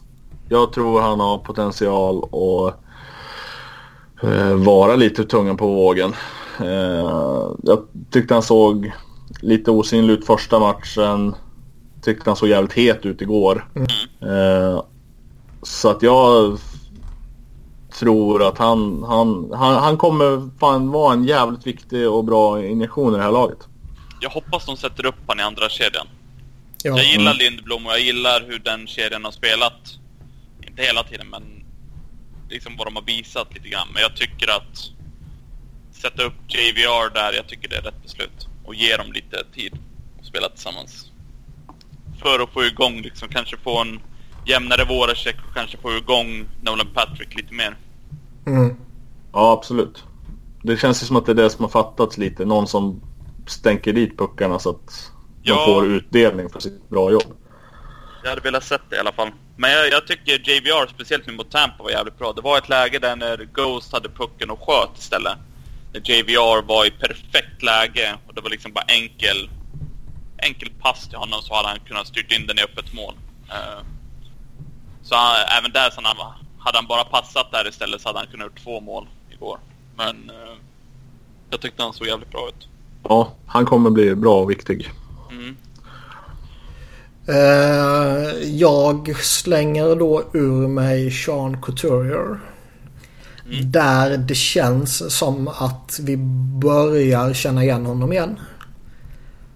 Att Ja. det tog lite tid för honom tycker jag är eh, inga problem överhuvudtaget med tanke på att han kom från en skada. Det var till och med rätt väntat liksom. Sen tog det tog li, några mer matcher än vad jag trodde det skulle ta. Men jag tycker över de här senaste... Ja, från, från roadtrippen i princip och framåt tycker jag att han har sett bättre ut. Jag håller med. Och det är Ja, jävligt viktigt. Jag kommer, min positiva grej kommer vara den bästa av allihopa. Och den viktigaste. Kör. och det är Claude Giroux 701 poäng totalt. Boom. Eh, det är inga konstigheter att han kommer vara en av de bästa för att spela för det här laget någonsin. När han väl väljer att hänga upp skridskorna. Nej, så är det ju. Och man kan väl göra ett case för att han är det redan nu. Ja, Han ja är... jag räknar som det. Men jag tänkte mer när han, om man säger, när han har kört ut det här kontraktet och sen om han fortsätter eller vad det nu kan då Mm. kommer han ju ligga två.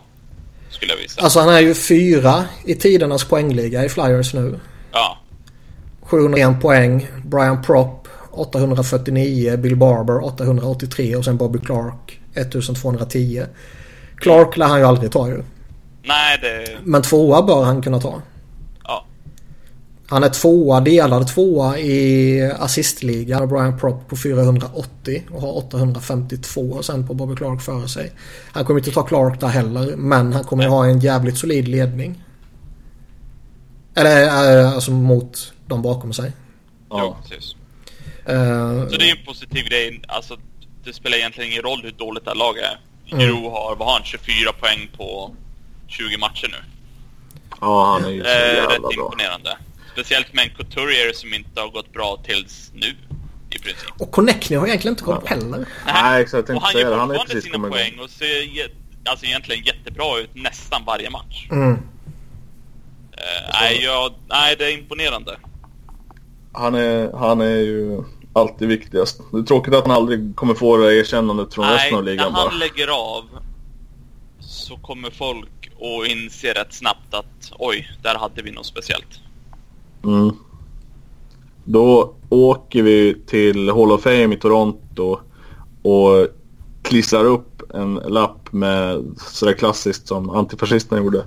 För när de hällde glas i tapetklistret. Och så dro, drar vi det över Gary Bettmans plakat på, på, eh, på Hall of Fame och sätter upp Claude Giroux istället.